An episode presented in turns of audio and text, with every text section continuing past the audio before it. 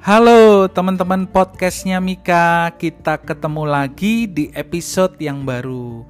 Gimana kabar teman-teman semua yang saat ini mendengarkan? Yang mungkin saat ini sedang beraktivitas, mungkin ada yang bekerja, atau yang ada di perjalanan, atau di mana pun teman-teman berada. Semoga kabar teman-teman tetap baik-baik saja, tetap sehat fisik, sehat jiwa, dan ini yang hal yang paling penting ya. Ketika teman-teman melakukan aktivitas apa pun, teman-teman tetap berada di sekitar pemikiran-pemikiran yang positif, hal-hal yang membuat teman teman-teman semangat sehingga teman-teman bisa meraih apa yang menjadi cita-cita teman-teman masing-masing. Oke, sebelumnya izinkan saya menyapa teman-teman dulu. Selamat pagi, selamat siang, selamat sore, dan selamat malam untuk semua teman-teman yang masih setia mendengarkan podcastnya Mika. Terima kasih banyak teman-teman masih setia mendengarkan, mau semangat belajar dan bertumbuh bersama-sama.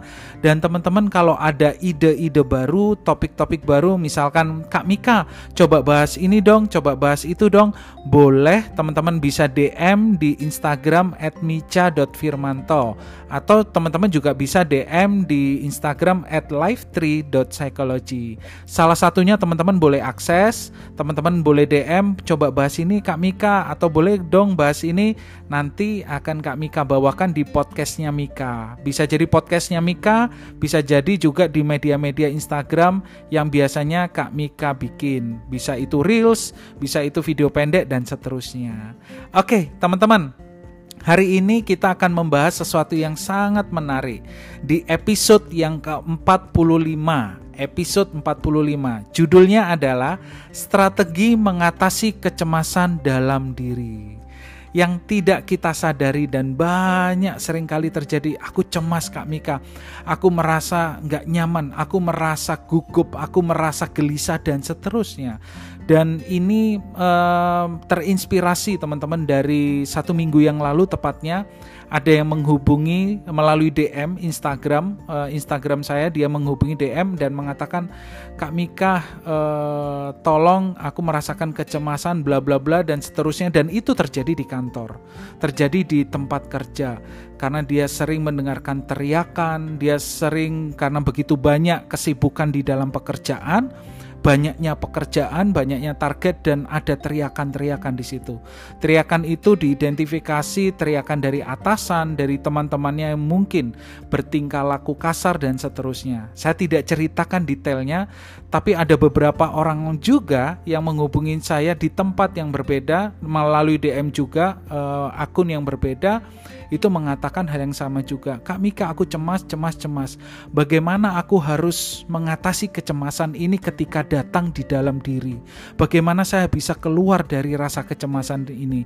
Dan rasa kecemasan ini mulai mendikte ketidaknyamanan di dalam hidupnya yang membuat dia menjadi tertekan di mana tekanan-tekanan itu bisa membawa hal yang tidak efektif atau bahkan destruktif dalam hidup uh, orang tersebut. Nah, kalau teman-teman mengalami situasi ini, semoga di episode yang ke-45 ini teman-teman bisa mengambil insight positifnya dan teman-teman mungkin pada saat teman-teman mengalami kecemasan karena stimulasinya ada di luar, kecemasan itu akan muncul tapi dengan mendengarkan dari episode ini, teman-teman dapat tips, teman-teman dapat strateginya. Paling tidak teman-teman bisa mengantisipasi bagaimana memanage supaya kecemasan itu tidak menjadi berlebihan atau bahkan teman-teman tidak menjadi atau masuk di dalam situasi cemas itu sendiri. Yuk kita bahas ya teman-teman ya. Saya nggak akan definisikan panjang atau mendetail terkait cemas. E, mungkin teman-teman juga sudah banyak mendengarkan, banyak membaca atau browsing terkait dengan cemas. Tapi saya akan gambarkan garis besarnya saja. Cemas itu adalah bentuk ekspresi emosi teman-teman dan reaksi psikologis terhadap stresor.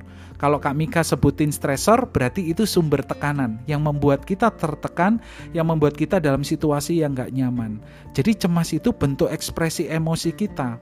Yang tidak jarang, cemas itu juga menjadi bagian dari bentuk pertahanan di dalam diri kita.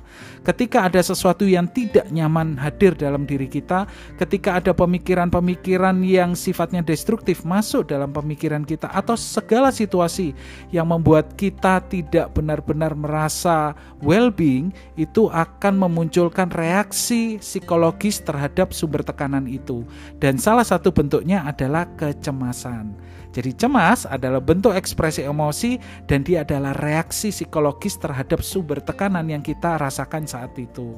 Bentuknya apa Kak Mika? Ada banyak bentuknya, tapi paling umum yang banyak terjadi di antara uh, semua orang yang mengalami kecemasan itu adalah gugup rasa gugup, kegelisahan itu adalah yang paling banyak terjadi di mana teman-teman juga bisa merasakan ketika teman-teman ada dalam situasi yang nggak nyaman juga. Jadi tiba-tiba gelisah atau saat itu teman-teman e, mengalami kegelisahan yang berlebihan atau teman-teman mengalami kegugupan atau cemas-cemas lainnya yang bahkan sampai e, menunjukkan reaksi-reaksi psikologis yang berpengaruh pada reaksi fisiologis yang teman-teman alami. Tangan teman-teman bergetar teman-teman tiba-tiba duduk atau teman-teman tidak bisa bergerak, bahkan teman-teman juga bisa mengalami panic attack. Pada saat satu ketika teman-teman mengalami kecemasan sehingga teman-teman panik sehingga teman-teman tidak bisa menggerakkan badan, menggerakkan tubuh hanya terdiam di satu titik. Atau sebaliknya, rasa cemas itu membuat teman-teman melakukan apa pun yang sifatnya reaktif yang tentunya jika itu tidak bisa dikontrol itu akan membahayakan keselamatan teman-teman. Tiba-tiba teman-teman berlari, tiba-tiba teman-teman menjerit dan seterusnya. Kenapa saya menggunakan kata tiba-tiba di sini? Sesungguhnya cemas itu sangat jelas stimulasinya apa. Namun ketika stimulasi itu datang dan terjadi, ada dua kondisi yang sering terjadi teman-teman. Yang pertama, kita bisa memprediksi bahwa ketakutan itu akan datang menghampiri kita. Namun juga ada yang kedua, kita tidak memprediksi ketakutan itu akan datang namun terjadi seketika di depan atau di antara atau e, terjadi dalam situasi yang ada di sekitar teman-teman. Dan itu membuat rasa cemas itu muncul. Jadi cemas itu terjadi karena apa Kak Mika? Ada banyak faktor sebenarnya. Teman-teman bisa pelajari lebih mendetail. Kak Mika hanya gambarkan secara umum aja ya ada gambaran secara umum biasanya rasa cemas itu terjadi satu ketika bertemu dengan situasi tertentu. Nah, situasi tertentu ini kalau di dalam dunia kerja teman-teman misalkan akan wawancara kerja. Ini yang tadi Kak Mika katakan, rasa cemas itu bisa diprediksi. Artinya apa? Wah, e, karena ada satu hal yang akan dihadapi. Kita akan menemui situasi tertentu. Kita sebut itu sebagai wawancara kerja dan kita menjadi panik. Kita menjadi panik. Kita kita menjadi merasa tidak uh, pantas atau merasa insecure dengan kondisi kita atau kita merasa bahwa orang yang akan mewawancara adalah orang yang lebih tinggi, orang yang lebih profesional. Kita khawatir dengan pertanyaan-pertanyaan yang akan muncul dan mungkin akan menyudutkan teman-teman dalam konteks berpikir teman-teman. Yang sesungguhnya uh, interviewer itu bisa jadi memang ada yang menyudutkan tapi bisa jadi juga tidak ada yang menyudutkan. Artinya apa? Dia memberikan pertanyaan-pertanyaan yang sifatnya template atau bahkan pertanyaan yang memotivasi. Saya teringat waktu saya menjadi interviewer atau rekrutmen manager di salah satu perusahaan saya berusaha untuk tidak memberikan pertanyaan-pertanyaan yang menekan karena saya butuh jawaban yang benar-benar menggambarkan kondisi dari kandidat interviewee saya dan saya ingin melihat sejatinya dia ketika dalam rasa nyaman dia memberikan reaksi seperti apa. Sehingga saya memberikan pertanyaan-pertanyaan memotivasi. Itu pun bisa memunculkan si interviewee ini rasa eh, kaget atau rasa tidak nyaman atau rasa tidak siap sehingga itu memunculkan situasi cemas, perilaku cemas yang muncul dari kandidat tersebut tidak hanya wawancara kerja ya teman-teman ya. Ketika bertemu dengan situasi tertentu misalkan eh, teman-teman ada dalam uh, ketika akan membawakan presentasi jadi ketika presentasi, oh tahu audiens saya adalah orang-orang yang punya posisi tertentu. Oh, orang-orang yang punya posisi lebih tinggi. Oh, saya akan presentasi kepada klien saya yang potensial dan klien ini tidak banyak bicara. Oh, saya akan bertemu dan akan mempresentasikan dengan seseorang yang sangat asertif atau bahkan sangat keras di dalam berkomunikasi sehingga saya sudah menjadi cemas lebih dulu, saya menjadi takut lebih dulu dan seterusnya. Itu adalah kondisi pertama yang membuat rasa cemas terjadi. Nomor satu, ketika teman-teman bertemu dengan situasi tertentu. Nomor dua, nomor dua yang sering muncul yang membuat perilaku cemas ini juga muncul dan terjadi. Yang nomor dua adalah trauma psikologis. Nah, ini agak lebih klasikal ya teman-teman. Kenapa saya katakan klasikal? Karena trauma psikologis ini terjadi dari waktu yang lampau, waktu yang lama dan itu terjadi secara interval atau sifatnya konsisten. Artinya apa? Trauma itu sudah membekas ketika di masa lalu dan itu terbawa hingga sampai saat ini.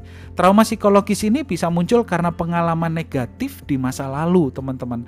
Apa pun kondisi dan cerita dari pengalaman negatif tersebut di masa lalu ketika tidak diselesaikan dengan baik, baik itu diselesaikan secara logika berpikir dan diselesaikan juga secara emosi dan itu tidak beres, tidak selesai, maka itu akan bisa menjadi trauma dan trauma itu dibawa hingga sampai saat ini. Nah, ini juga kondisi yang bisa memunculkan teman-teman memunculkan perilaku cemas. Yang ketiga, uh, cemas itu bisa terjadi juga karena efek samping obat teman-teman atau zat tertentu. Jadi ada obat-obat tertentu yang akan membuat teman-teman menjadi gelisah, yang akan membuat teman-teman menjadi cemas, yang akan membuat teman-teman mengepalkan tangan, melebarkan tangan atau gemetaran dan reaksi-reaksi fisiologis lainnya yang membuat teman-teman menjadi dalam situasi yang tidak nyaman.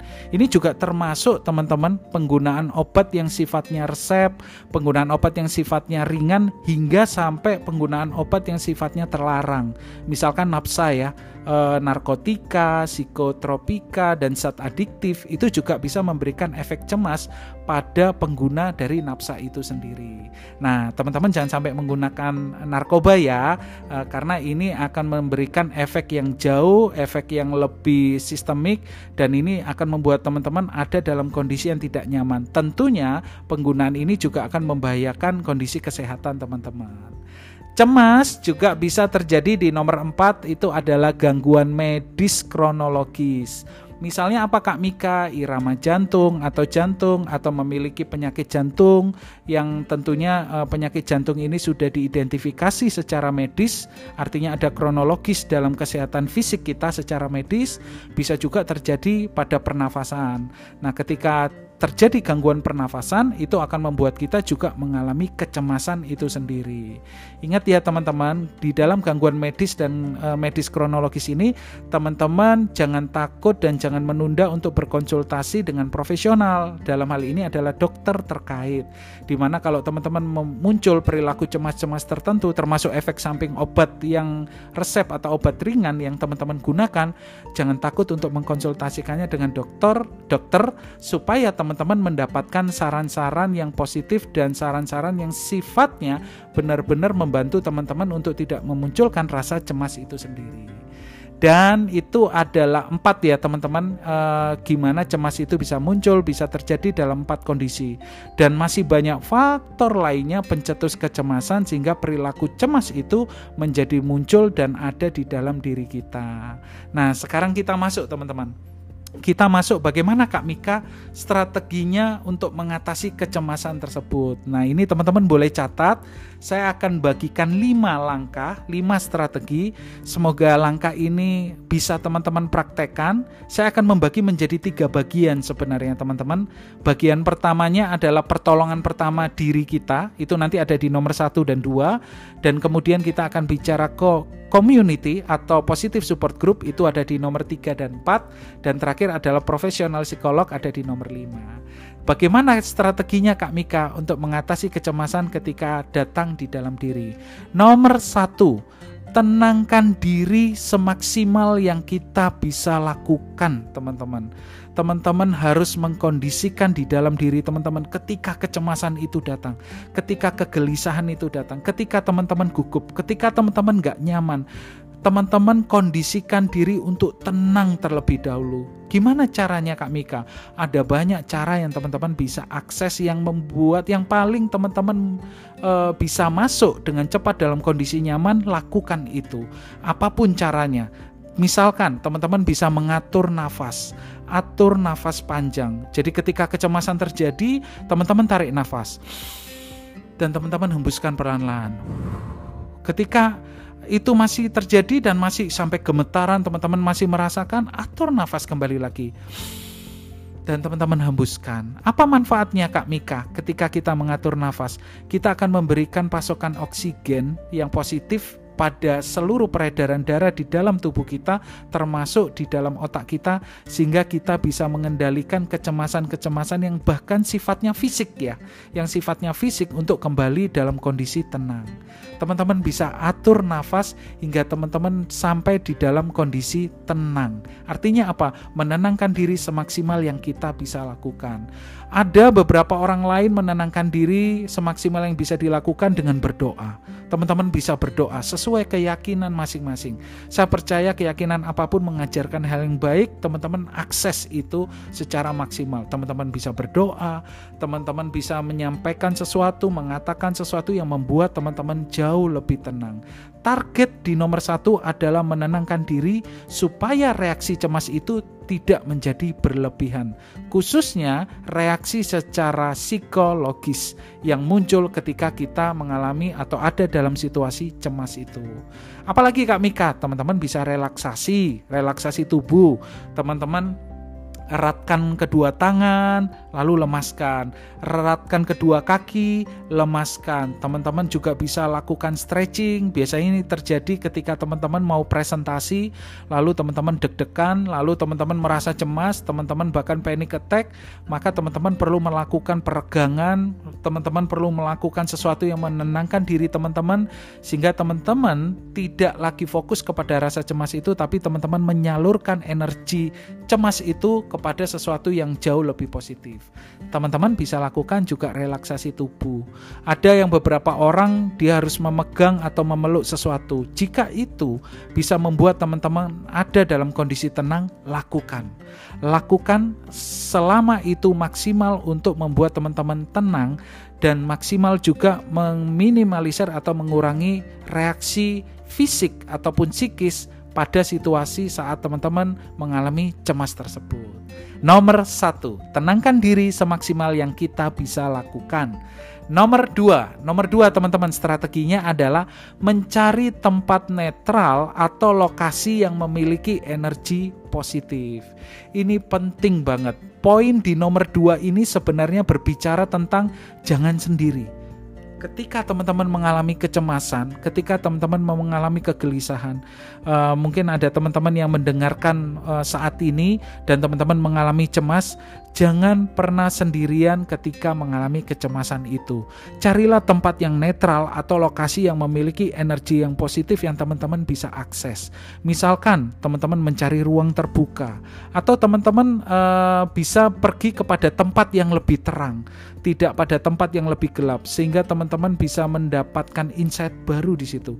Sehingga teman-teman tidak cemas sendiri dan ini yang juga paling penting dalam beberapa kasus yang terjadi teman-teman penting untuk pergi ke lokasi yang ada beberapa orang dengan pemikiran positif di situ.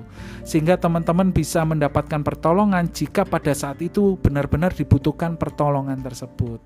Dapat ya teman-teman ya? Strategi kedua adalah mencari tempat netral atau lokasi yang memiliki energi positif pesannya adalah jangan sendirian. Dan ketika teman-teman merasakan cemas segera pergi ke tempat yang jauh lebih positif di mana teman-teman bisa meminimalisir situasi cemas itu sendiri. Nomor tiga, nomor tiga strategi mengatasi kecemasannya teman-teman. Mencari seseorang yang terdekat. Mencari seseorang yang terdekat yang teman-teman bisa jangkau dan teman-teman bisa minta pertolongan untuk menemani atau menjadi teman bicara uh, ketika teman-teman muncul dalam situasi cemas itu sendiri. Dapat ya teman-teman ya. Strategi nomor tiga adalah mencari seseorang yang terdekat, yang bisa dijangkau dan yang bisa diminta pertolongan untuk menemani dan menjadi teman bicara teman-teman. Ini penting banget. Ketika teman-teman cemas, teman-teman jangan takut untuk meminta pertolongan. Dan pertolongan pertama yang teman-teman bisa lakukan itu bukan pergi ke profesional, bukan pergi ke mana pun, karena itu mungkin membutuhkan appointment, membutuhkan waktu yang lebih panjang, membutuhkan perencanaan. Tapi pertolongan pertama yang teman-teman bisa lakukan adalah menjangkau orang terdekat yang teman-teman bisa minta tolong dan yang teman-teman bisa jangkau untuk menemani dan menjadi teman bicara teman-teman. Siapa Kak Mika? Bisa sahabat ketika di sana memang ada sahabat, bisa keluarga ketika di sana ada keluarga kita dan bisa eh, partner kerja misalkan ketika kita di tempat kerja kita menjadi cemas dan ada beberapa partner kerja yang kita bisa dekat dan kita bisa percaya sama mereka dan kita bisa merasa nyaman sama mereka maka akses itu jangkau itu. Minta kepada yang bersangkutan bisakah membantu saya saat ini? Saya saat ini dalam kondisi cemas aku gelisah aku nervous aku panic attack dan seterusnya dan seterusnya. Dan tentu saja teman-teman pertimbangkan juga bagaimana seseorang tersebut bisa membantu teman-teman. Karena tidak semua dari uh, circle kita atau circle kita itu adalah orang-orang yang bisa membantu ketika kita dalam kondisi tertentu, dalam konteks cemas dan kita meminta bantuan kemudian dia memberikan bantuan. Tentunya teman-teman juga melihat ketika dia bisa membantu, akses dia, jangkau dia, ajak dia bicara. Tapi ketika seseorang tersebut tidak bisa membantu, jangan paksakan, cari yang lain yang terdekat yang teman-teman bisa jangkau dan minta pertolongan. Intinya di poin ketiga teman-teman, yang poin kedua tadi bicara jangan sampai sendiri ketika merasakan cemas, cepat-cepat mencari pertolongan dan yang nomor tiga adalah cari seseorang terdekat yang teman-teman bisa bercerita dan teman-teman bisa menemani teman-teman dan teman-teman bisa mengatasi atau meminimalisir rasa cemas itu sendiri. Dapat ya teman-teman ya. Nomor empat. Nomor empat adalah di waktu yang tepat segera tanpa menunda datang dan menghubungi positif support group yang teman-teman miliki atau yang teman-teman punya. Ini juga penting banget. Ketika teman-teman sudah bisa menenangkan diri, ketika teman-teman sudah bisa pergi ke ruang yang lebih terbuka atau ada beberapa orang yang memiliki pemikiran positif dan teman-teman bisa berada di ruang itu merasakan ambience-nya, merasakan climate yang jauh lebih baik, lalu teman-teman bisa mencari seseorang yang terdekat yang bisa dijangkau pada saat teman-teman membutuhkan pertolongan pertama untuk berbicara, maka poin keempat adalah teman-teman tidak berhenti hanya di situ, tapi mulai cari betul-betul betul apa akar dari hal yang membuat teman-teman menjadi cemas.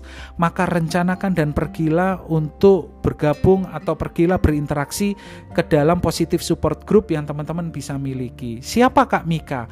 Bisa jadi keluarga. Keluarga adalah positif support group pertama yang bisa kita akses dan kita bisa bercerita dengan mereka. Tidak hanya keluarga, misalkan teman-teman punya care group. Care group biasanya di tempat-tempat uh, tertentu uh, ada satu care group yang dibentuk biasanya di bawah uh, biro psikologi atau bisa juga di tempat-tempat ibadah teman-teman bisa akses di care group itu untuk mendapatkan energi-energi positif sekaligus fokus kepada apa yang teman-teman rasakan khususnya rasa cemas yang muncul dalam diri teman-teman. Ada juga community support group, ada problem solving group, apa pun bentuk grup itu asalkan satu itu adalah grup positif, dua itu adalah grup yang membuat teman-teman nyaman. Tiga, itu adalah grup di mana teman-teman tahu ketika bergabung teman-teman menjadi bertumbuh lebih positif. Bahkan grup itu juga bisa menyelesaikan beberapa permasalahan-permasalahan yang sering terjadi dalam hidup teman-teman. Maka ikuti grup itu dan datang ke dalam grup itu. Maka grup itu akan bisa membantu untuk teman-teman bisa mengatasi kecemasan. Dan ini adalah strategi yang efektif untuk teman-teman bisa ambil dan lakukan di positive support group ini teman-teman. Power atau kekuatannya itu sebenarnya adalah dukungan kenapa kita mengalami kecemasan dan bagaimana kita bisa mendapatkan pengalaman positif dari positive support group itu dan apa yang efektif yang mereka lakukan di antara anggota-anggota tersebut terutama khususnya way out ketika mereka merasakan kecemasan yang sama atau yang sejenis yang dirasakan oleh anggota di dalam support group itu. Sehingga kita punya pengalaman-pengalaman dan kita tidak merasa sendiri. Kita merasa punya teman dan kita tidak berjalan sendiri karena kita merasa bahwa ada dukungan positif di sana. Nomor 4 Nomor lima teman-teman. Nomor lima terakhir Strategi mengatasi kecemasan. Nomor lima ini teman-teman wajib lakukan. Khususnya jika kecemasan teman-teman masih berlanjut Dan terjadi secara berlebihan dan periodik Artinya apa? Kecemasan ini terjadi terus-menerus, masih berlanjut, masih berlanjut. Sudah melakukan nomor satu Kak Mika sampai nomor empat, tapi masih terus cemas, masih terus gelisah, masih terus gugup, bahkan panic attack dan seterusnya. Dan ini terjadi secara berlebihan dan periodik. Dan itu mulai mengganggu kesehatan fisik maupun psikologis teman-teman. Maka pesan saya di nomor lima, strateginya adalah jangan menunda. Segera menghubungi bantuan profesional terdekat yang teman-teman bisa jangkau. Dalam hal ini, saya sarankan teman-teman menghubungi psikolog. Siapa pun psikolognya yang dekat dengan teman-teman, dengan lokasi teman-teman, dengan teman-teman di mana pun berada, teman-teman bisa akses. Sekarang banyak sekali online uh, psychological services ya, layanan-layanan psikologis online. Teman-teman juga bisa akses itu atau ada psikolog yang memang teman-teman biasa pergi ke sana sana teman-teman boleh akses itu buat appointment dan bertemu dengan psikolog. Kenapa Kak Mika penting untuk ketemu dengan psikolog ketika cemas ini masih berlanjut, terjadi secara berlebihan dan terus terjadi secara periodik? Pertama, karena psikolog ini tidak hanya menjadi teman bicara teman-teman, tapi yang paling utama adalah psikolog akan spesifik membantu teman-teman memetakan kecemasan tersebut tidak hanya menjadi sebuah map atau peta, tapi juga akan menemukan bersama-sama apa point of cost-nya sehingga teman-teman sampai mengalami rasa cemas itu sendiri. Dan nomor dua, jika diperlukan akan melakukan intervensi psikologi yang artinya mencoba menangani baik itu sifatnya kuratif ataupun preventif untuk menekan atau meminimalisir supaya teman-teman tidak mengalami kecemasan itu lagi. Itu lima strategi untuk teman-teman supaya teman-teman bisa mengatasi kecemasan. Pertama, tenangkan diri semaksimal yang teman-teman bisa lakukan. Lakukan apa pun yang membuat teman-teman tenang. Selama cara itu satu, positif. Dua, tidak membahayakan keselamatan diri teman-teman. Dan tiga, cara-cara yang untuk menenangkan diri itu benar-benar teman-teman sudah lakukan dan itu memberikan dampak efektif kepada teman-teman, maka lakukan itu. Lakukan semaksimal mungkin yang teman-teman bisa lakukan. Nomor dua, cari tempat netral atau lokasi yang memiliki energi positif. Kak Mika, aku cemas karena lingkungan kerjaku itu negatif banget, toksik banget dan seterusnya, dan aku jadi cemas dengan situasi itu. Maka cari lokasi yang di situ ada banyak orang orang dengan pemikiran positif. Teman-teman harus putuskan, harus paksa untuk pergi ke tempat itu supaya teman-teman mendapatkan energi yang jauh lebih positif. Yang nomor tiga, mencari seseorang yang terdekat. Ini pertolongan pertama yang teman-teman bisa jangkau, yang teman-teman bisa minta pertolongan. Ini seseorang, artinya tidak dalam grup, tidak dalam kelompok. Siapa pun orang itu, asalkan bisa menemani, bisa membuat teman-teman nyaman, bisa membuat teman-teman meminimalisir rasa cemas, dan menjadi teman bicara, akses orang itu. Tentunya, jangan lupa minta izin dulu ya teman-teman sehingga kita tidak mengganggu atau tidak memaksakan kehendak kepada orang tersebut. Dan yang nomor empat, di waktu yang tepat, teman-teman ikut di dalam positif support group yang teman-teman sudah miliki atau akan mengikuti grup tersebut karena teman-teman tahu di situ ada pembahasan yang jauh lebih positif khusus yang terkait dengan kecemasan yang teman-teman alami. Bisa di keluarga, bisa di care group, bisa di community support group, bisa di minat grup-grup uh, atau kelompok-kelompok minat atau bahkan problem solving group. Teman-teman bisa akses komunitas itu dan engage di dalam komunitas tersebut. Dan yang kelima, jika memang masih berlanjut, segera hubungi profesional psikolog, jangan menunda. Kenapa Kak Mika selalu menekankan jangan menunda, jangan menunda? Ini sekaligus sebagai penutup ya teman-teman maaf podcastnya Mika yang ini jadi agak panjang ya teman-teman. Ini sekaligus jadi penutup.